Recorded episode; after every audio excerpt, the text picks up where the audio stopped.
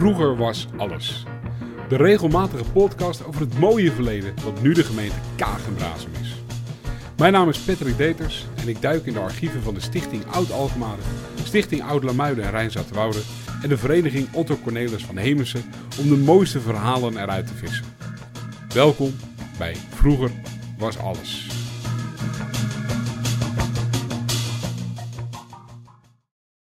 Mao is dood, hè?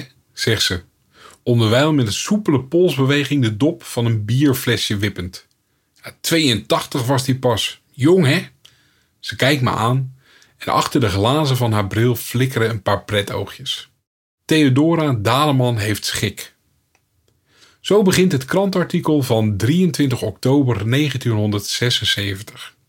Herman van Amsterdam is te gast in Café Concordia aan de Pastoor van de Plaatstraat in Rijpwetering. Waar de op dat moment 102 jaar oude Theodora Daleman de scepter zwaait. In de vorige podcast had ik het over de twee cafés in Rijpwetering. En nog geen vijf minuten na publicatie kreeg ik een berichtje van een derde café, Concordia met Opu Daleman. Dus daar sta ik vandaag bij stil.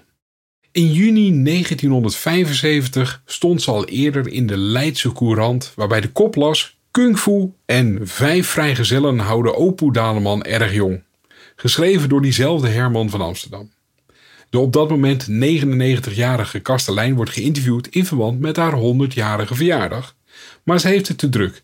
Met vloeren schoonmaken en de ramen moet ook nog geboend worden. Toch laten de journalisten zich niet wegsturen en er ontstaat een mooi verhaal waarin Opu aangeeft dat ze drie avonden in de week achter de tap staat, regelmatig van haar borreltje geniet en op tv haar Kung Fu programma volgt. En het valt de schrijvers op dat deze dame zich zeker niet gedraagt zoals je van een 100-jarige dame mag verwachten.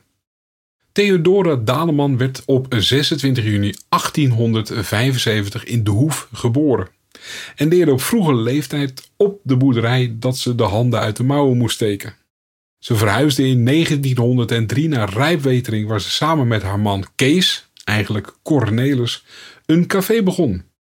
Op de rip wordt er gesproken over het winnen van een loterij waarmee ze het café konden beginnen, maar daar weet Theodora in 1974 niets meer van te herinneren en ze zegt ook: Het is al zo lang geleden.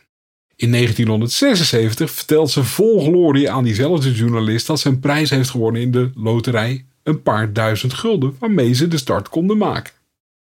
Uiteindelijk overlijdt haar man in 1921 en uiteindelijk vliegen ook haar acht kinderen, vier dochters en vier zonen uit. Concordia wordt beschreven als een café met een groen geschilderde wanden, waar er wat verbleekte drankreclames hangen, gebrekkige verlichting, een eenvoudige houten uitstelkast met daarop de beschikbare dranken, een zwarte piano die op slot staat, een biljart, keus langs de muur en een oude oliekachel moet warmte brengen in de ruimte. En de houten vloer heeft de beste tijd gezien door de duizenden voetstappen die er gezet zijn. En er is geen tap. Het bier komt uit flesjes.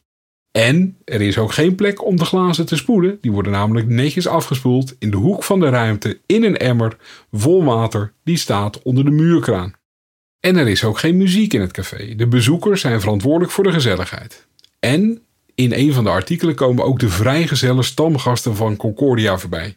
Piet Semp, Henk Semp, Bram Bakker, Henk Dapper, Jaap van Velzen en Dirk Waasdorp. Alle noeste boerenjongens met brede schouders en een jaartje of 40, 50 oud. En ze kunnen redelijk lomp zijn, maar bij Opu Daleman zijn ze zo mak als lammetjes, zeggen ze zelf. En vrouwen in het café?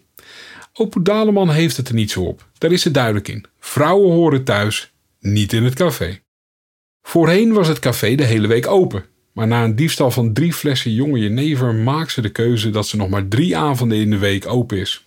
Vrijdag, zaterdag en zondagavond van kwart voor tien tot twaalf uur. En ze is daar strikt in. Als er om 12 uur nog steeds gekaart wordt, worden de kaarten van tafel gegrist, worden de bezoekers de deur gewezen met een vriendelijk: morgen is er weer een dag. En als vreemdeling pas je welkom voor een drankje, maar haal je niet te veel rare dingen in het hoofd. Want als je vervelend was, dan stormden de stamgasten dat je snel buiten stond of buiten lag. De keuze is aan de vreemdeling. Er is een voorbeeld van een man die dronken binnenkomt, dwars ligt, een flinke optater krijgt en met valhelmen al tegen de grond knalt. en dan is het nog goed dat die valhelm erop zit. Het verband is wel dat dat verhaal een paar maanden geleden gebeurd is in zowel het interview in 1974 als het interview in 1975. Tijdens haar 100-jarig feest op uh, de donderdagavond komen er grote namen in Concordia op bezoek, zoals de bisschop van Rotterdam en een groot gedeelte van de 60 kleinkinderen en 150 achterkleinkinderen.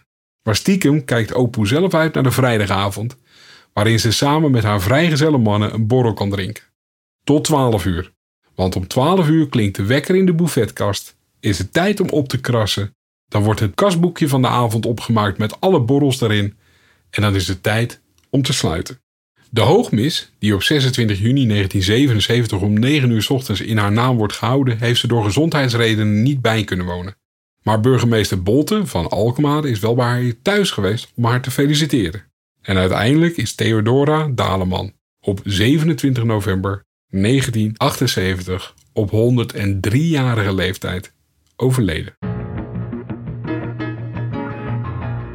Vind je het leuk om meer verhalen zoals deze te horen? Abonneer je dan op de podcast. Dat kan via iTunes, Google of via de website www.vroegerwasalles.nl.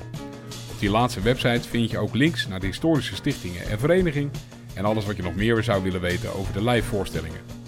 Wil je de podcast helpen? Word dan lid van een van de historische stichtingen of vereniging, want daarmee zorgen zij dat deze mooie geschiedenis blijft bestaan. Graag tot de volgende. Vroeger was alles.